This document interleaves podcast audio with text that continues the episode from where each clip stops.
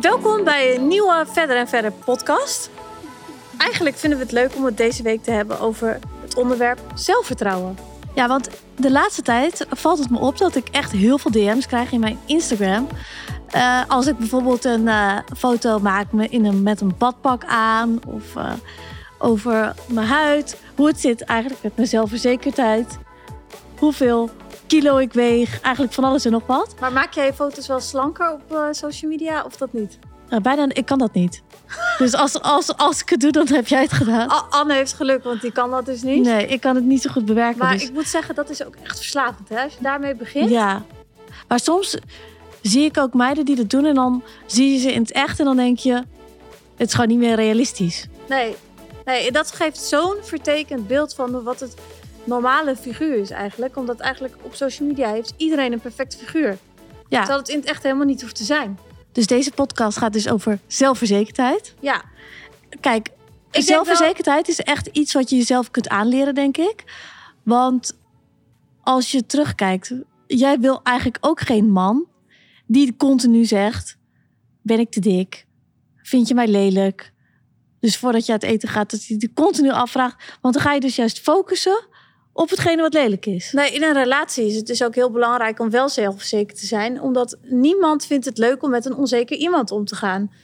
Ik denk in een relatie vindt niemand het leuk. Op werk vindt niemand het leuk. Eigenlijk nergens in het leven vindt iemand het leuk om een heel onzeker iemand naast zich te hebben. Waarbij je de hele tijd moet zeggen: Ja, je ziet er wel leuk uit. Je doet het wel goed. Nee, je bent niet zo om iemand de hele tijd moeten hoeven inpraten. Dat moet je gewoon zelf doen. Want jij doet dat toch ook nooit bij Ismaël? Dat is wel echt heel grappig dat je dat zegt. Want het is wel een van de dingen waarvan ik op het begin dacht... dit ga ik nooit in mijn relatie toelaten. Dus ik heb eigenlijk eerlijk gezegd nog nooit tegen hem gezegd... ik voel me dik. En believe me, ik geloof dat heel vaak. Dus als ik uit eten ben geweest of op vakantie ben... of maakt niet uit wat ik heb gedaan... denk ik echt, ik knap uit mijn spijkerbroek. Ik moet alle knoopjes van mijn spijkerbroek open doen... want ik voel me gewoon zo dik. Maar dat hou ik voor mezelf. Ja, want soms denk ik wel... Kijk, sommige mannen die willen per se een supermodel. Toch? Ja. En eigenlijk als ze soms... Wij zaten laatst ook in Milaan. En toen zaten we naast een superknappe vrouw en een man. Ja. En ze hadden gewoon de hele tijd dat ze tegenover elkaar waren... geen woord gezegd. Allebei verveeld. Ja, alleen die, die vrouw had wel een mega inkijk. En uh, borsten waarvan je zegt, wow, weet je wel, zo. En, maar ze hadden geen woord met elkaar te wisselen. Nee. En soms denk ik wel, ja, dan ga ik dus uh, uit eten met uh, vrienden, vriendinnen. Uh, en die nemen dan een partner mee. En sommigen zijn dan echt zo'n supermodel, super knap. En dan zitten we bij een of andere beachtent. En dan zit ik in mijn bikini met mijn vetrolletjes. En dan zit er zo'n supermodel naast me. Nou, zorg er dan maar voor dat je zelfverzekerd bent. Dat is moeilijk. Dat is heel moeilijk. Maar dus... dan denk ik, zelf zie jij natuurlijk je zwakke dingen bij jezelf, je zwakke punten. Maar een ander ziet dat weer helemaal niet. Ziet dat heel anders van jou. Ik heb wel eens dat ik naast jou zit en dat ik soms denk: Oh, Anne ziet er zo goed uit. En ik zie er niet uit. En uh, Anne is veel knapper. Echt, een buitenstaander ziet niet eens het verschil. Nee, maar eigenlijk moet je dus die gedachtes van ik zie er niet goed uit, ik ben dik, ik ben uh, mijn, uh, ik heb, zit onder de puisten. Die moet je dus niet toelaten. Want zodra je dat over jezelf gaat zeggen, ga je dus onzeker voelen. Maar als je het omdraait en gaat denken: ik vind dat ik er goed uitzie vandaag, ik ben vrolijk, ik ben gezond, ik ben happy. Dan ga je dus merken dat je ook zelfverzekerder gaat voelen. Ik denk dat mensen ook van een kilometer afstand wel kunnen voelen of iemand zelfverzekerd is of niet. Zelfverzekerd zijn kan je gewoon niet acteren. Je bent het, je voelt het diep van binnen of je voelt het niet. En het is zo belangrijk om dat dus echt binnen in jezelf te voelen. Dat je ook echt zelfverzekerd bent. Maar het speelt zich allemaal in je hoofd af, hè? Ja. Dus ik denk die gedachten, die stemmetjes die we allemaal wel eens hebben, die moet je echt zien te blokken. Want ik denk zodra je die stemmetjes van ik ben lelijk, ik zie er niet uit, zijn gang laat gaan. Want ik heb vroeger ook wel echt, toen ik um, nou 16 of zo was, heb ik daar echt wel last van gehad. Dat ik echt mezelf eigenlijk naar beneden aan het praten was. Terwijl als je op een gegeven moment die knop weet te switchen. En dan voel je jezelf ook beter in je vel. Omdat je ja. die stemmetjes gewoon niet toelaat. En ik denk, je hebt allemaal wel eens uh, of je of deze. Dat is echt heel normaal. Dat heeft iedereen. Maar probeer het gewoon dan alsnog om te draaien in iets positiefs. Ja, en ik denk ook wel, ook bijvoorbeeld bij eh, sollicitaties bijvoorbeeld, hè? Als er iemand binnenkomt die zelfverzekerd is, eh, gewoon met een, met een enthousiasme binnenkomt, Ja, je gelooft dan maakt het echt niet meer uit of iemand een minder cv heeft dan de ander. Nee. Want, je- want je valt gewoon voor iemands passie, charme, eh, doorzettingsvermogen. Dus ik denk dat dat echt het belangrijkste is wat er is. Als je een onzeker en een zeker iemand naast elkaar zet, zou je altijd eerder kiezen voor het zekere persoon. Ja, en die gewoon enthousiast is over alles, goed in het leven staat. Maar dat geldt denk ik niet alleen voor solliciteren. Dat geldt gewoon in het hele leven. Ja, Want ook als je bijvoorbeeld... Je hebt ook een relatie. Kijk, als ik naar een man kijk... Ik zou echt geen relatie hoeven hebben met, met een man die heel onzeker is. nee, ik ook niet. Maar wel met iemand die heel zeker van zichzelf is. Maar een man net zo goed, die wil ook geen relatie met een hele onzekere vrouw. Nee, dus eigenlijk moet je de hele situatie gewoon omdraaien. Ja, want je hebt ook van sommige vrouwen eh, die alleen eh, in het donker met iemand eh seks willen hebben. Ja, Ik denk dat is voor een man ook helemaal niet leuk. nee, tuurlijk niet. Dus ik denk, en ik hoor ook wel vaak dat, kijk, vrouwen die doen dan bijvoorbeeld eh, nepwimpers op en weet ik veel wat. Maar wat vindt bijvoorbeeld Ismaël van nepwimpers? Nou, ik moest wel lachen, want laatst kwam ik dus eh, bij de schoonheidsspecialisten vandaan. En je weet hoe je er dan uitziet. Dan heb je echt 0,000% make-up op. Net al je puisten uitgeknepen. Uitgeknepen en weet ik wat allemaal. Toen zei hij, nou, ik vind je zo mooi. Ik heb je nog nooit zo mooi eruit ge- ge- vinden zien. En toen dacht ik echt, zei ik, huh, maar ik heb geen make-up op. Zei hij, nee, maar ik hou ook helemaal niet van make-up. Ja, en ik denk ook wel, stel je gaat met eh, een eh, jongen naar bed, ben je een beetje onzeker als je de volgende ochtend wakker wordt. Iedereen kent dat wel, toch? Ja, Maar sommige meiden die gaan dan expres met make-up opslapen. ja. Nou, ik zie er dan helemaal niet en dan uit. worden want ze als dan een soort, soort pandabeertje wakker. Ja, En ik denk, ik vraag me wel af, kijk, mannen vinden dat denk ik helemaal niet leuk. nee. Ik denk dat mannen meer houden van naturel. Maar- Ik denk ook als je een man vraagt wat ze het leukste kledingstijl bij vrouwen vinden, zeggen ze vaak gewoon jeans, een t-shirt en, en gimpen. Simpel. Sneakers, ja. Echt simpel. Gewoon, En dan één keer in de zoveel tijd, dan mag het wel gewoon een beetje hoerig zijn. ja, Maar dat mag, moet één keer in de zoveel tijd zijn, maar niet elke dag. ja.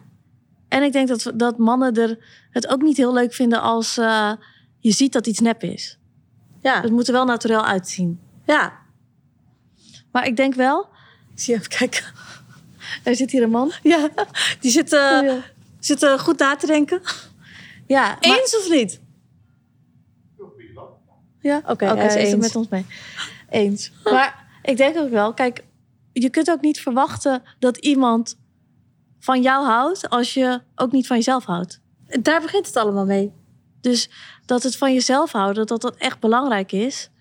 eh, voordat, je, voordat iemand anders van jou kan houden. Maar bij een ander zie ik ook totaal niet of iemand vijf kilo meer is of vijf kilo minder. Nee. Ik zie het gewoon niet. En ik denk, zodra jij in je hoofd zoiets hebt van fuck it. Het maakt me niet uit, ik ben wie ik ben. Ik own het hoe ik ben. Ook al ben ik vijf kilo zwaarder, vijf kilo lichter. Ik zit lekker in mijn vel. Dan Weet- straal jij dat uit naar je partner, maar ook naar je vrienden, naar je vriendinnen. Ik had bijvoorbeeld wel dat we nu... eh, we zijn dus bezig met eh, onze trip naar Coachella aan het plannen. En ook met outfits daarvoor. Toen ging ik even outfit inspiratie opdoen. Maar is het je wel eens opgevallen dat festival outfits... is gewoon gemaakt voor graadmagere mensen?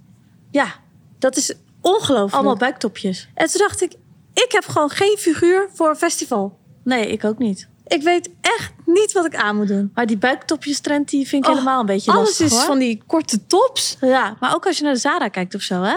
Alleen maar korte crop tops. Ja. Ja. Maar ook even over zelf, nog even over zelfverzekerdheid. Hè? Kijk, soms heb je wel eh, dat, dat je het gevoel hebt dat je dure kleding nodig hebt of zo. Maar ik denk, Zara, die heeft echt superleuke collectie. Hè? Ja. Het maakt echt niet uit of je nou een mooie outfit uit hebt van de Zara of van Dior of van wat dan ook. Als jij gewoon het uitstraalt dat je zelfverzekerd bent, dan lijkt eigenlijk alle kleding lijkt mooi Ja. en perfect bij elkaar uitgekozen. En kleine tip, zorg altijd dat de maat goed zit. Als de maat goed zit, dan kan je alles van elk merk aan. Ja, en ik heb ook wel dat ik laat, de laatste tijd vaak kleren laat vermaken. Ja, En eh, echt goed wassen en zo, weet je wel, dat soort dingen. ja. Dus een outfit hoeft niet duur te zijn als je maar veel zelfvertrouwen hebt. Ja, maar daardoor heb, vind ik ook wel... Kijk, wij zijn natuurlijk van niets gekomen, hè? Ja. Maar toen jij begon met verder en verder... had jij toen... en eigenlijk geen geld had... had je toen evenveel zelfvertrouwen als je nu hebt? Nee. Of is dat veranderd? Ja, toen was ik wel echt veel onzekerder. Ik weet niet per se of dat nou echt met geld te maken heeft. Dat weet ik niet. Kijk, tuurlijk is het wel fijn als je gewoon het geld hebt om iets aan jezelf te kunnen doen. Maar ik denk de rijkste mensen zijn vaak nog het onzekerste ook. Omdat je altijd wel iets kan vinden wat je aan jezelf kan doen. En als je al het geld van de wereld hebt, dan zijn de mogelijkheden zijn onbeperkt. Dus ik weet niet of dat met geld te maken heeft. Maar ik denk dat het gewoon voor mij de onzekerheid in het leven was. Omdat ik gewoon... Ik had het gevoel dat ik nergens het goed in deed. Ja, En dat maakt je ook gewoon heel onzeker. Kijk, je wil of heel knap zijn, of heel succesvol, of heel dun. Je wil iets zijn. ja. Maar ik was gewoon niks. Wel vastberaden. Heel vastberaden, dat is het enige wat ik had. Maar ik denk dat de vastberadenheid die ik had, heeft mij ook heel ver gebracht. Want Ja. ik heb gewoon echt, ik dacht... Op een gegeven moment heb ik wel de knop kunnen omzetten. Ik denk dat wij dat allebei hebben gedaan. Dat we gewoon dachten, fake it till you make it. Weet je, we zijn niet eh, dun, we zijn niet succesvol, we zijn niet super knap. We zijn eigenlijk niks. Maar we doen gewoon alsof we wel alles zijn. Ja, En dat heeft ons zo ver gebracht. Want nu denk ik, oké, ik ben nog, nog steeds niet dun. Ik ben nog steeds niet super knap. Nou, succesvol misschien een beetje, maar je kan nog veel meer bereiken. Maar ik own alles. Ja, en ik denk ook wel dat we nu, omdat we van daaruit zijn gekomen, dat we ook weten, als we nu weer terug worden gegooid naar zeg maar geen geld hebben, overleven het ook alweer. Dan zijn we ook weer zo creatief. Weet je wel, we komen er ook weer uit. Ik ben daar niet meer bang voor. Nee, je moet. En dat, brengt, dat is ook een vorm van zelfverzekerdheid. Van wat er ook gebeurt, ik kom eruit. Ja, ook al heb je geen geld, er is altijd nog wel een manier, een creatieve manier om je wel comfortabel te voelen. Om wel de dingen te kunnen doen die je wil. Niet alles hoeft altijd geld te kosten. Ja, en ik denk ook wel dat, eh, ook met ondernemen bijvoorbeeld, soms zet je één stap, voor je gevoel één stap vooruit en dan weer twee achteruit. Maar ik je dat- moet je zelfverzekerdheid ook hebben om eh, het gevoel te hebben van ja, wat er ook gebeurt, het komt goed. Nog steeds. Het maakt niet uit op welk niveau je zit. Je hebt nog steeds elke dag tegenslagen. En daarin moet je je comfortabel voelen. In dat je weet van... Oké, er gaat één deur dicht. Maar misschien gaat er wel een ander open. En misschien is dat niet nu. Misschien is dat over een tijdje. Maar dat komt wel. Ja, En daar moet je gewoon je echt sterk in voelen. Van, ik kom er wel. Het maakt niet uit of het nu is. Of het volgend jaar is. Of over twee jaar. Ik kom er wel. ja. En ook met, met, weet je, op social media, dan denk je bij iedereen, oh, die heeft echt perfect voor elkaar. Die eh, heeft alles. Haar leven is perfect. Ja. Ik denk dat ook bij heel veel Ja. mensen. Weet je wat ook wel grappig is? Ik had laatst eh, zo'n quote gezien van eh, eh, de 5 by 5 rule. Ja. Als het niet uitmaakt in vijf jaar, Ja. dus als je er over vijf jaar niet meer over nadenkt, is het nu ook niet, niet de moeite waard om er langer dan vijf minuten over te piekeren. ja, eigenlijk is dat wel goed om daar echt goed dat in je achterhoofd te houden en dat ook echt te doen. Ja, want als het niet uitmaakt over vijf jaar, moet je er nu niet langer dan vijf minuten over piekeren. Nee, maar dat pieker jij veel dan? Eh, nee, eigenlijk valt dat wel mee. Maar ik denk wel dat het scheelt dat ik eh, goed, meestal goed kan slapen. Ja. Want ik denk al, ik merk wel als ik eh, een keer een avond niet goed kan slapen of een nacht, dat ik meteen heel veel ga piekeren. Mhm. Dus ik denk dat dat wel mijn geluk is, dat ik over het algemeen wel goed slaap. Ja. Hey, en wat vind je nou van die hele body positivity trend die nu helemaal op social media gaande is? Eerst begreep ik het niet. Ja. Eh, want toen dacht ik van, ja, iedereen wil toch, eh, wil toch gewoon een goed figuur hebben. Maar aan de andere kant dacht ik, ik maakte mezelf soms echt heel gestrest. Als ik zeg maar voor dag en dauw elke dag moest gaan sporten, altijd op mijn lijn moest letten. eh, dat ik er ook geen gezellige persoon van werd.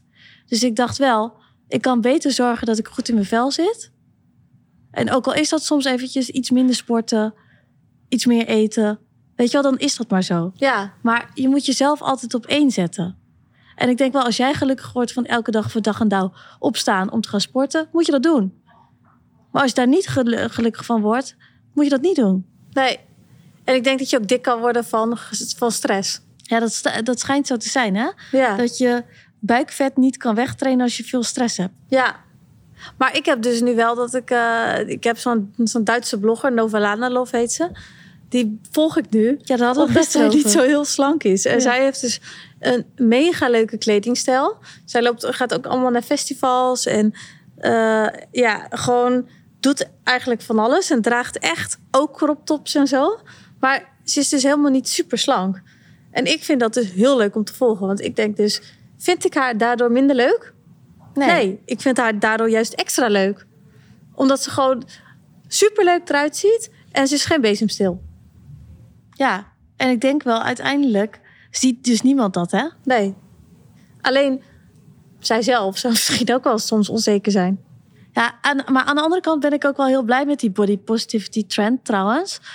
Want stel je voor, de trend van echt graad, graad, graad mager was nu in. Kijk, het scheelt dat de Kardashians en zo, die hebben allemaal rondingen. Ja. Die hebben het echt een trend gemaakt dat, het, dat ronding- rondingen weer in zijn. Maar voor hetzelfde geld waren het de jaren tachtig modellen of eh, dat nu helemaal in was. Kijk, nu is het een soort van in om vormen te hebben. En daar ben ik in principe wel echt heel dankbaar voor. ja. Maar Dat- eigenlijk is natuurlijk dat ook gewoon hoe het normale vrouwenfiguur er eigenlijk uitziet. Hè? Ja, Dat, is eigenlijk, dat is eigenlijk normaal. maar ik hoop, ze zeggen toch, alle trends komen weer terug. Het zal me niks verbazen als het nog een keer terug gaat komen. Oh, maar ik hoop niet dat deze trend weer terug gaat komen hoor.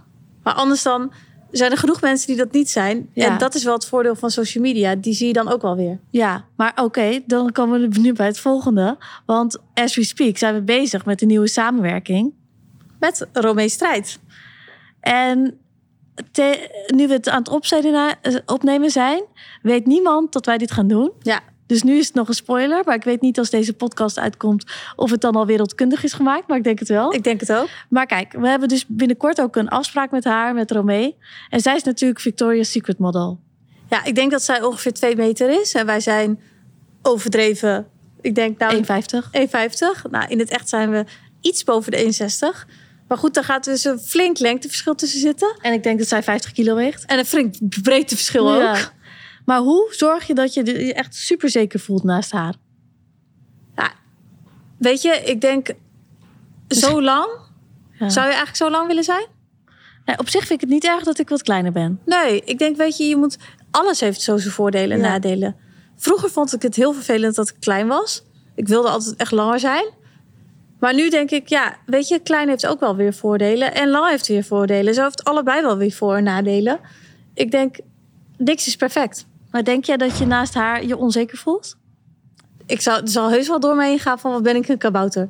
Dat geloof ik wel. Maar alleen een kabouter of ook andere dingen? Nee, ik denk dat ik nu wel zo zeker genoeg ben dat ik, dat ik eh, zoals de Olsen Twins zijn ook gewoon 1,50 hè? Zijn ze daardoor minder cool? Nee, die vind ik juist daardoor wel cool. Ja, die zijn ook twee kaboutertjes naast elk model. Dat zie je, zie je vaak van die plaatjes voorbij komen. Dan denk ik, ja, denk Ja. ik dan, dat is raar? Ja, en nu denk ik ook wel meer, kijk, dat is haar werk. Ja, Kijk, het is niet mijn werk om eh, eh, 50 kilo te zijn. nee, Mijn werk is ondernemen. ja. En bij ondernemen hoort goed eten. Ja, Ja, je kan jezelf niet uithongeren. ja. Maar soms heb ik wel een haat-liefde verhouding hoor. Want dan, ik, ik merk ook wel dat ik mijn relatie leuker hou. Als ik, ik zei dat toch eh, gisteren tegen jou, toen we een kopje koffie gingen drinken. Ja. Toen zei ik tegen, tegen Esther, toen zei ik van...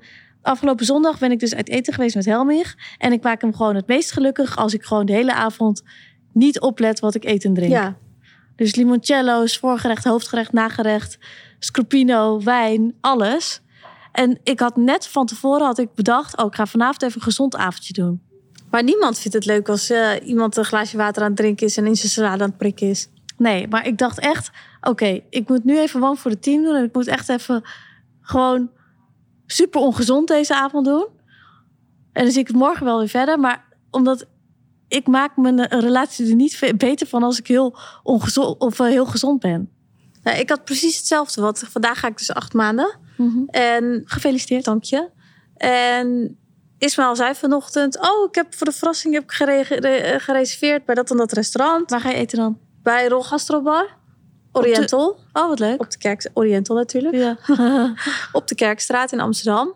En ik had ook eigenlijk bedacht om deze week gezond te doen. Maar ja, dat gaat dus al niet lukken. Maar uiteindelijk... Denk je dat dat echt het verschil gaat maken?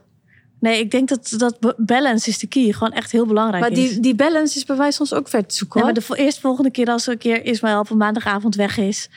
dan eh, eet je wel weer een eh broccoli soepje of zo. En zit ik te janken op de bank. Ja. Dat me zo alleen voel. En dan wil, je, dan, dan wil je graag uit eten. Ja. dus ik denk dat alles gewoon... Ik denk iedereen heeft zo zijn onzekerheid. Ja. Het gaat er maar net om hoe je ermee omgaat. Praat jezelf gewoon die zekerheid in. En, eh, ik en denk, ik denk dat het ook geen slecht idee is voor heel veel mensen... om gewoon 's ochtends in de spiegel te, te kijken en zeggen... hey, Anne, hey S, wat zie jij er goed uit vandaag? Gewoon tegen jezelf. ik ga er morgen mee beginnen. Ja, en ik zou voor alle luisteraars zou ik dat echt meteen gaan doen.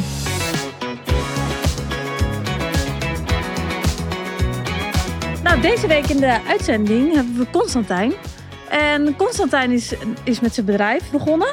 En daarom is hij ook eigenlijk bij ons. Want we hebben dus een berichtje van jou gekregen. Klopt. En we dachten, hoe leuk is het om hem gewoon uit te nodigen bij onze podcast. Zodat we eigenlijk even kunnen hebben over hoe het is om te ondernemen. Andere vragen die je misschien hebt over dingen die, waar wij weer tegenaan zijn gelopen. Gewoon even een leuk kletspraatje eigenlijk. Dus eh, welkom Constantijn. Dankjewel voor de uitnodiging. Ja, kan je iets vertellen over je bedrijf?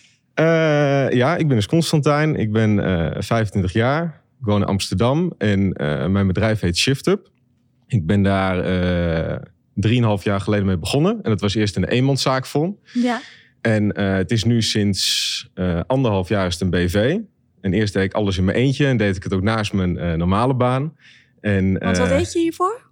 Sorry? Wat deed je hiervoor? Ik heb eigenlijk altijd in de auto's gezeten. Ja. Dus ik heb gewerkt voor Autotrack, advertentieplatform. Oh ja. Ik heb nog gewerkt voor een BMW mini-dealer. En ik heb hiervoor voor een bedrijf gewerkt waar we heel veel ja, Porsche, Land Rover, leuke luxe auto's verkochten. En ehm, naast dat eh, werk wat ik daar zeg maar deed, eh, ben ik dus een eenmanszaakje begonnen om mijn eigen auto's te verkopen. Want ik was privé eigenlijk altijd al met auto's aan het handelen. Ik denk dat ik mijn eerste auto kocht toen ik, eh, volgens mij was ik 17, ik mocht er nog niet eens mee rijden. En eh, dat is eigenlijk gewoon een beetje uit de hand gelopen hobby. En mijn vader die is accountant, dus die zei op een ge- gegeven ogenblik van ja, je moet wel maar eens naar de KVK toe gaan en, Ja. eh, en, en het wat officiëler gaan doen. Nou, wat leuk. En doen jullie ook eh, dat je een auto kan bekijken met FaceTime bijvoorbeeld? Ja, ja, dat doen we ook. En ik stuur altijd ook een filmpje van de auto.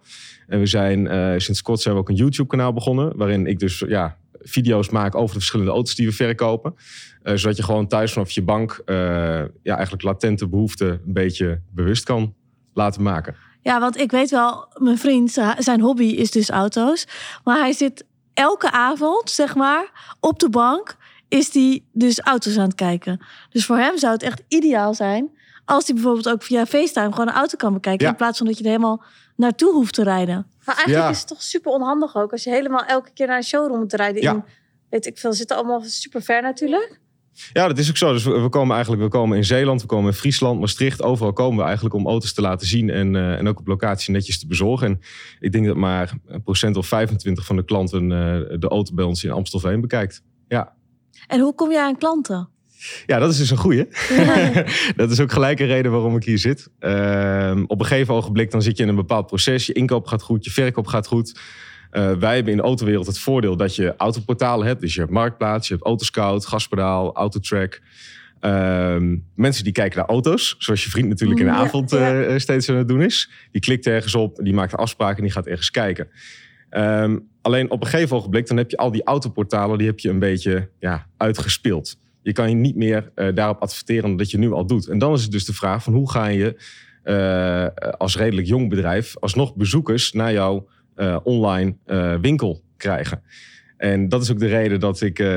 ik luister heel veel podcasts van Ja. ondernemers. En ik heb jullie een keer in een podcast gehoord van eh Young Ones. Mhm. Van Ja. Sander Oh, geloof ik. Ja. en ehm, ik herkende mezelf gewoon heel erg in, in jullie verhaal, waar jullie een aantal jaar geleden stonden. Dat ik dacht van nou, misschien is het wel eens gewoon leuk om, om een keer te vragen of ik een kop koffie met jullie mag drinken. Ja, Ja. En toen werd ik eh, eh, uitgenodigd om, om hier dus in de podcast te komen. dus ook een kop koffie, maar dan met een microfoon. voor Ja, dan met de microfoon voor mijn neus. en eh, want ik was heel erg nieuwsgierig hoe jullie dat destijds hebben aangepakt. Want jullie zijn natuurlijk eh, begonnen met workshops in jullie Ja. studententijd. Ehm, er kwam vraag naar die sieraden. Maar op een gegeven ogenblik, dan heb je denk ik al je vrienden, familie, bekenden... die heb je uitgespeeld als Ja, het ware. ja. Iedereen die heeft wat. en dan heb je, wordt het moeilijk. dan heb je denk ik een webshop en, en dan? Ja, Ja, nou, als ik jouw verhaal zo hoor, kijk, dat lijkt echt super erg inderdaad op die van ons. Maar als ik jou was, zou ik gaan bekijken waar zit mijn klant? Van wat doet hij? Wat doet hij s'avonds? Wat doet hij overdag? Op welke media zit hij? Eh, ik praat nu over hij, omdat ik denk dat het voornamelijk het kan ook mannen zijn. zijn natuurlijk. Hè? Maar we hebben ook veel vrouwen. Ja, gehad. ja, ja, ja. Waar zitten eh, hij of ha- haar? Dus ik zou denk ik, als je echt die jonge doelgroep wil pakken en echt vernieuwend wil zijn. Kijk, mijn vriend kijkt ook altijd YouTube-filmpjes van de auto. Ik zou gewoon YouTube-afleveringen gaan maken, bijvoorbeeld elke week. Dat je nieuwe hebt, dat je een auto uitlicht, dat je meer vertelt over een auto, eh, meer informatie over die Ja. auto, over het merk, dat soort dingen. En dat je daar gewoon een consistente lijn in maakt. Ja, En op het begin zouden vast, nou, niet echt heel veel mensen naar kijken. Maar je merkt wel, hoe vaker je iets structureel doet, hoe meer mensen dat gaan volgen, gaan kijken. En het is wel zo, het duurt gewoon altijd een tijdje voordat Ja. je echt iets hebt opgestart. En soms lijkt het heel langzaam te gaan. Maar dan moet je dus juist niet ja opgeven. en, en dat is ook een beetje het punt. Want we zijn dus nu sinds eh, december begonnen met een YouTube-kanaal. En we hebben denk ik 13, 14, 15 video's. En allemaal dus met een specifieke auto. En dan vertel ik wat over, eh, over de motoren die je kan krijgen. Over hoe het rijdt. eh, waarom je dit zou moeten kopen. Wat de nadelen zijn. Alleen ja, dan, dan zie je, we hebben nu volgens mij iets van 45 eh, abonnees op YouTube. En ik van ja, dit duurt nog wel eventjes. En je wilt gewoon door en door. Ja. Dus, eh, dus eh, ik, ja, ik zoek een beetje naar een soort stroomversneller. Maar dit hebben wij ook allemaal gehad, hè? Ja. Ja. En dan lijkt het echt langzaam En dat frustreert dan af en toe. En doe je wel eens eh, betaalde advertising en zo? Ja, ja, daar zijn we sinds, eh, ik denk ook december mee begonnen in Google. Ja. Alleen moet ik wel zeggen dat dat nog echt nog heel erg zoeken is van... eh, je weet niet hoe klanten uiteindelijk bij jou terechtkomen. Zoeken ze op eh, jong gebruikte BMW kopen of zoeken ze op eh, proefrit mini? Dat weet je niet zo goed. Dus, dus daarin ben je ook heel erg aan het zoeken van... Hey, waar zoekt die eh klant nou, ook- nou ook op? En dat is Ja. ook gewoon een beetje eh, ja, testen. Ja, Ja. weet je wat, eh, waar wij vroeger mee begonnen zijn? Is dat je ook per maand een soort doel gaat stellen. Ja, Wat je wil bereiken. En dan kun je vanuit die doelen per maand kun je ook terugrekenen wat voor budget je hebt. Bijvoorbeeld voor Google ads, voor Facebook ads, Ja. voor eh, Instagram ads. Of je budget hebt om filmpjes te maken. Dus waar je allemaal budget voor hebt. En dat je dat gewoon echt in kaart gaat brengen. Van, eh, en dat je het ook wat overzichtelijker voor jezelf maakt. ja. En we hadden echt wel dat, dat die doelen, dat was toen. En toen eh, was het echt zo, als het de laatste dag van de maand was. Ja. En we hadden het nog niet gehaald. ja. Het maakte niet uit hoe, linksom, rechtsom, hoe we het ook deden. Maar we moesten het halen. Dus daar word je super creatief van. ja. Dus hadden we bijvoorbeeld, eh, we hadden ook in, in volgers hadden we ook doelen, maar ook in eh, omzet. Het was echt zo dat op de laatste dag van de maand gingen we nog eh, een kortingsactie doen. Of een winactie bijvoorbeeld, dat mensen ons moesten gaan volgen. Ja, dat ze wel ja, konden winnen. Dus dat we dat alsnog wel gingen halen. Dus Maar jullie hadden dus op een gegeven ogenblik de workshops gedaan. Toen zijn jullie met die webshop zijn jullie begonnen. Hoe kwam die eerste bezoeker naar jullie website toe? Weten jullie dat nog? Ja, dat heeft of die ook- eerste order die jullie kregen? Dat heeft ook zo lang geduurd hoor. Ja? Wij dachten op het begin dat, dat de website het niet deed, omdat we maar geen orders kregen. dus Ja. gingen we de hele tijd zelf testorders doen en toen deed hij het gewoon. Ja? Oh, wat Dus- ja, en we sleten echt dagen Ja. in ons kantoortje. Ja. En er echt kwam geen bestelling binnen. Niemand belde ons. Dus op een gegeven moment ging, een keer gewoon, ging de telefoon. Nou, we schrokken ons helemaal kapot. We wisten niet hoe we moesten opnemen, want we Ja. hadden nog nooit een telefoontje gehad. Dus toen dacht ik echt, oh, wat een, wat een stumperd zijn we. We gaan het nooit redden. Ja, ik weet ook nog wel dat ik, eh, eh, dat ik in dit nieuwe pand, toen we dus met z'n vijf zeggen doen, dat ik mijn eerste auto verkocht. En ja, we hebben dus een bedrijfshal met een kantoor erboven in Amstelveen. En die hal die was nog helemaal leeg. Er stonden alleen een paar auto's. Ja. En ik weet nog de, dat de telefoon die ging dan op de eerste zaterdag. Zaterdag is vaak echt zo'n zo'n Ja, ja, ja. En eh, ja, er, er wouden mensen voor een bepaalde mini langskomen. En die mensen die kwamen op een gegeven ogenblik. En ik, die mini had ik netjes klaargemaakt en die was, stond gepoetst klaar. Uh, maar er was helemaal nog geen muziek. Dus uh, ik pakte maar snel. We hadden nog een, een bouwradio staan. Want we waren het Oh, ja, klussen ja, natuurlijk geweest. Die bouwradio zetten we zo neer. En we hadden nog helemaal geen goede koffiemachine. En dat kwam zo eh eh, klunzig over. Maar juist daardoor kreeg je weer die gunfactor. En heb je uiteindelijk eh, ja, die eerste deal gedaan. Ja. Oh ja, en vier alle successen, hè? Ja, dat is ook wel iets. Dat, dat, je staat er niet zo snel bij stil. Als je een bepaalde doelstelling Ja. hebt gemaakt, denk je, hup, ik ga weer gewoon lekker door met mijn werk. Nee, dat is echt Want we zijn er nog lang niet. Maar Ja. dat, eh, doen jullie, hoe doen jullie dat? Ja, hoe doe jij dat dan? Ja, nu, maar toen we begonnen hadden we altijd op kantoor een flesje champagne klaarstaan. Oh ja? Twee, eigenlijk twee flessen. En dan had Esther een doel opgeschreven voor haar, zakelijk zeg maar. En ik, voor mezelf. Dus waar, in elk gebied waarin je bezig bent. En als dat het doel behaald was, maakt niet uit of het tien uur s ochtends of tien uur s avonds was, die fles moest open. Dus dat maakt het wel heel leuk. Ja, dat maakt het wel leuk inderdaad. Ja, Ja. ja, Maar goed, dan is de volgende ochtend, hup, we gaan er weer tegenaan. Ja. en, Ja. eh, en dan ben je het ook alweer snel vergeten. En dat, ja. dat is ook wel iets wat ik heb ervaren. Alle eh, eh, negatieve dingen, die blijven hangen. En alle positieve dingen, die ben eigenlijk zo vergeten. Ja. Als er een keer een klant ontevreden over iets is, ook ondanks dat je het heel goed kan oplossen, dan blijft dat altijd hangen. En al die positieve dingen, al die superleuke Ja. gesprekken die je met klanten hebt gehad, die ben je gewoon de volgende dag bij die weer Maar vergeten. daardoor maak je jezelf wel beter, hè? Ja, Maar in ieder geval heel erg bedankt dat je erbij kon zijn. Dankjewel voor jullie Ja, uitnodiging. Ja. Ja, En jullie wijze lessen. ik kan nog En nog even- op deze manier. Ja, nog even, waar kunnen mensen jouw auto's eh, bekijken? Eh, op www.shiftup.nl. eh, op Instagram-account shiftup.nl of op YouTube shiftup.nl. Dat is wel leuk. Wij kunnen Ja. dat ook wel even delen in onze Ja. stories. Dat zou wel leuk Als het uitkomt. Ja. Dank jullie wel.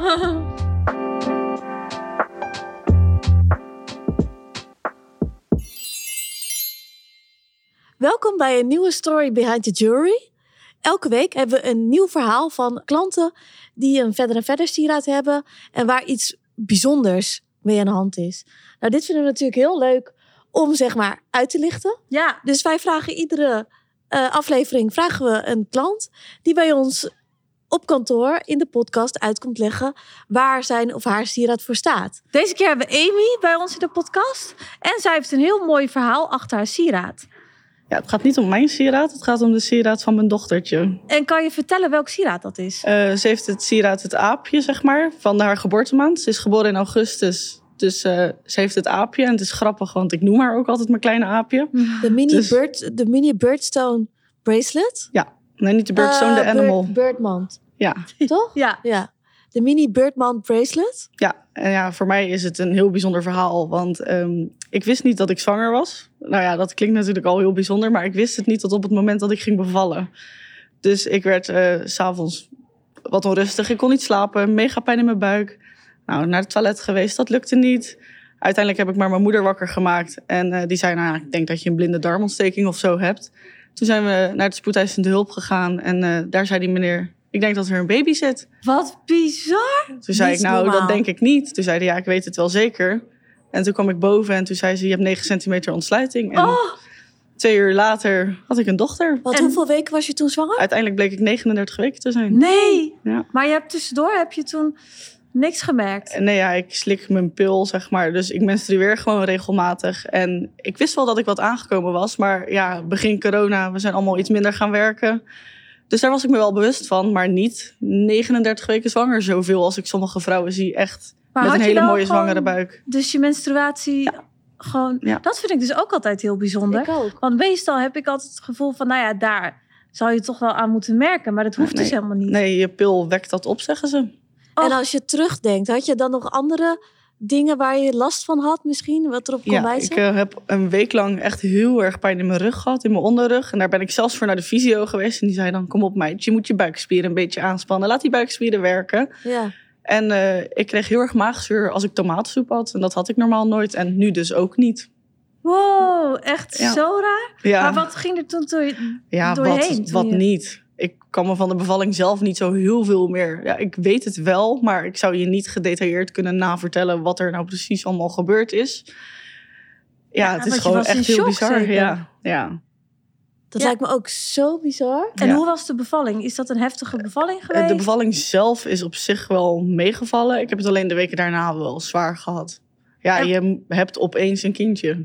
Ja, was lijkt- je aangekomen ook tijdens de zwangerschap? Ja, iets. Maar niet extreem. Niet als ik sommige vrouwen zie die 39 weken zwanger zijn. Zo heb ik er niet uitgezien. En was het een, eh, een grote baby of een kleine Ja, baby? ze was gewoon volgroeid. Ze was 52 dat lijkt centimeter. me zo Ja. raar. Ik vind dat Ze ongelooflijk. heeft heel erg tegen mijn ruggengraat aangelegen. Waardoor ik dus zo pijn in mijn rug had. Oh, maar Ja. had jij niet van tevoren dat je wel eens van dat soort verhalen hoorde? En dat je dacht, hoe kan dit?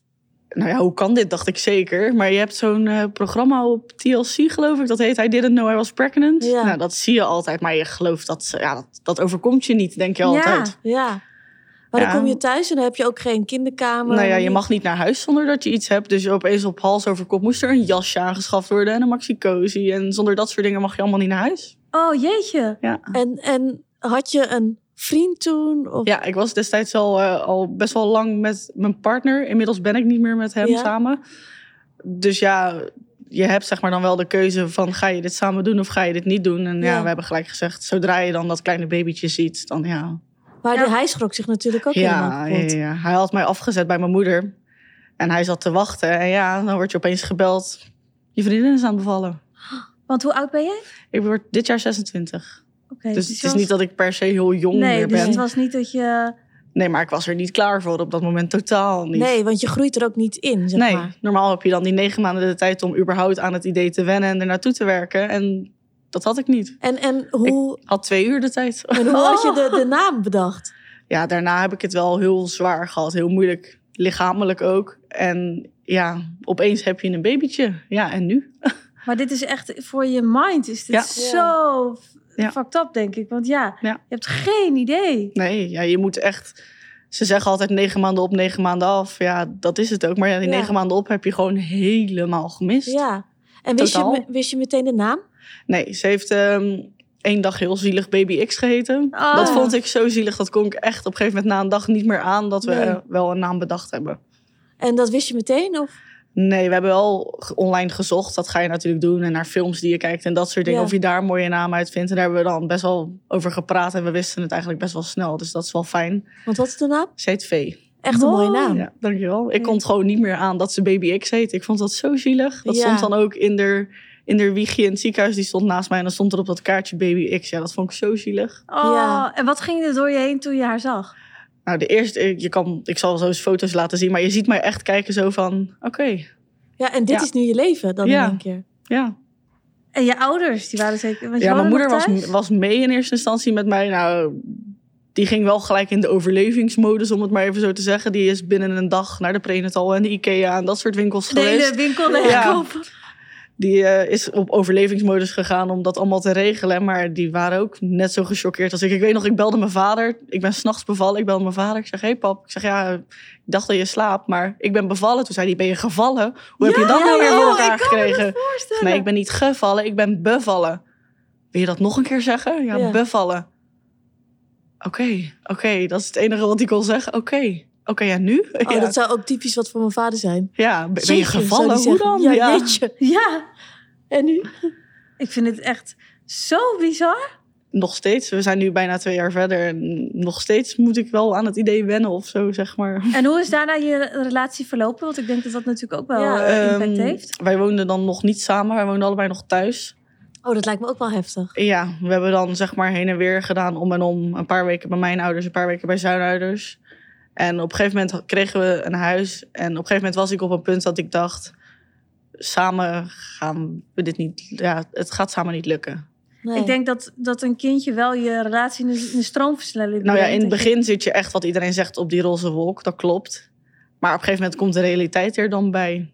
Ja, en ik denk ook wel als je er ook niet met z'n tweeën naartoe kan Nee. groeien. En in één keer in de diepe wordt gegooid. Ja. Dat het nog extra moeilijk eigenlijk is. Ja, en je weet dat iedereen dan een mening over bepaalde dingen krijgt. Maar ja, dat komt dan toch net wat harder aan. Omdat je zelf eigenlijk nog niet helemaal over alles je mening gevormd hebt. Ja. Maar ja, jij je zegt, kan best die flessen gebruiken en die flessen gebruiken. Terwijl je daar zelf normaal in die negen maanden naar dat soort dingen research doet. Ja. Nou ja, dat ging nu natuurlijk niet. maar jij zegt een roze wolk. Heb je die ook echt wel zo beleefd? Of wat, soms hoor je van een roze wolk is echt een eh, cliché. Die bestaat helemaal niet. Ja en nee. Ik denk dat je hem wel beleeft. Want ja, je hebt opeens een babytje. Het is natuurlijk, ze zeggen allemaal dat het het mooiste is wat er is. Ja, dat is ook zo. Ja.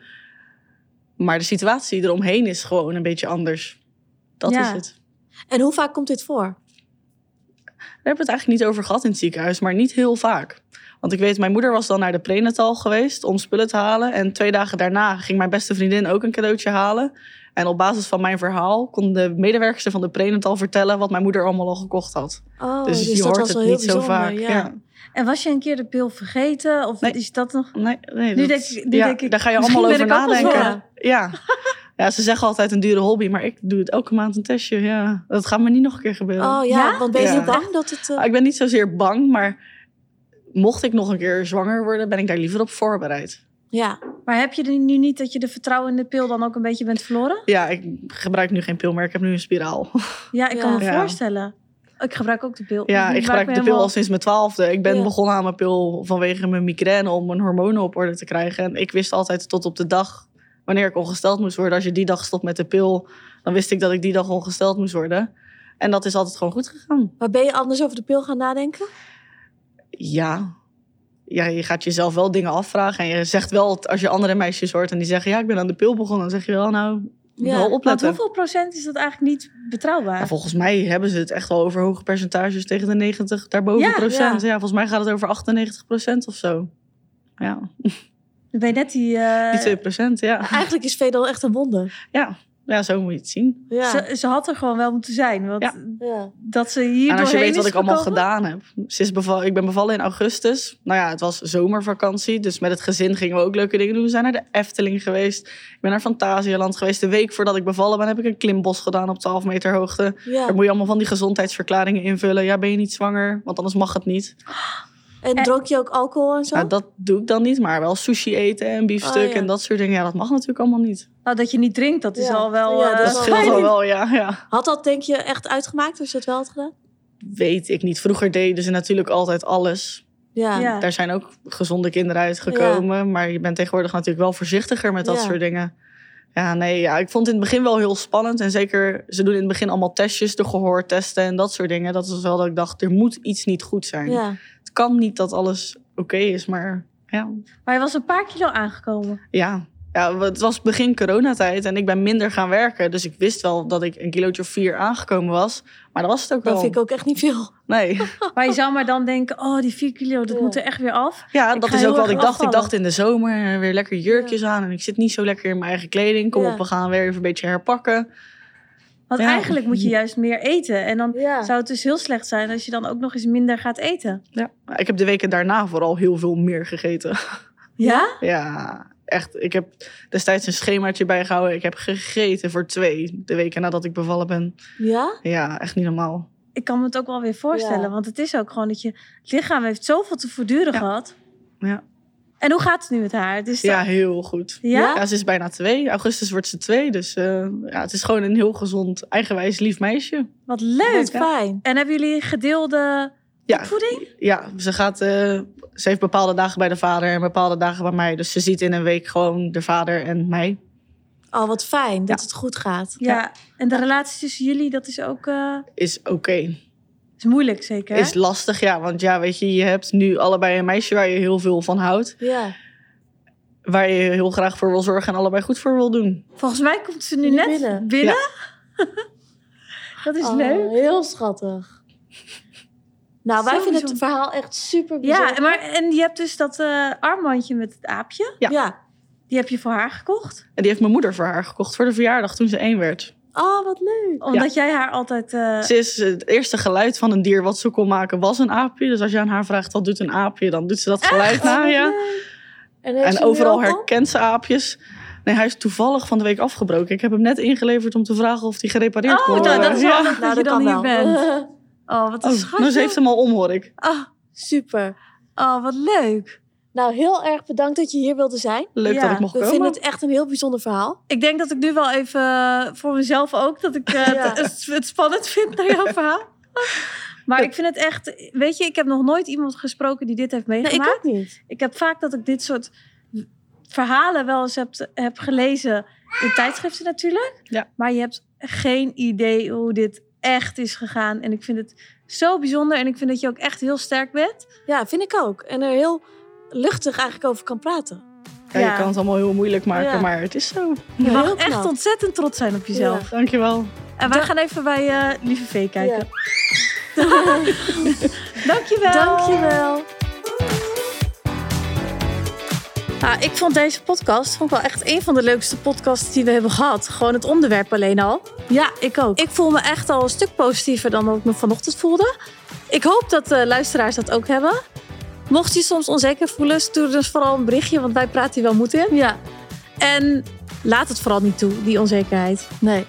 En wij gaan weer denken wat leuk is voor de podcast van volgende week. Weet je wat ik ga doen? Ik ga zo even een polletje doen. Ik ga even mijn volgers vragen wat zij voor volgende week als onderwerp willen. Goed idee. Nou, heel erg bedankt voor het luisteren.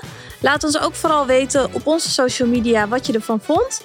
We vinden het heel leuk om jullie feedback natuurlijk ook te horen. En bedankt voor het luisteren weer. Doeg! Doei!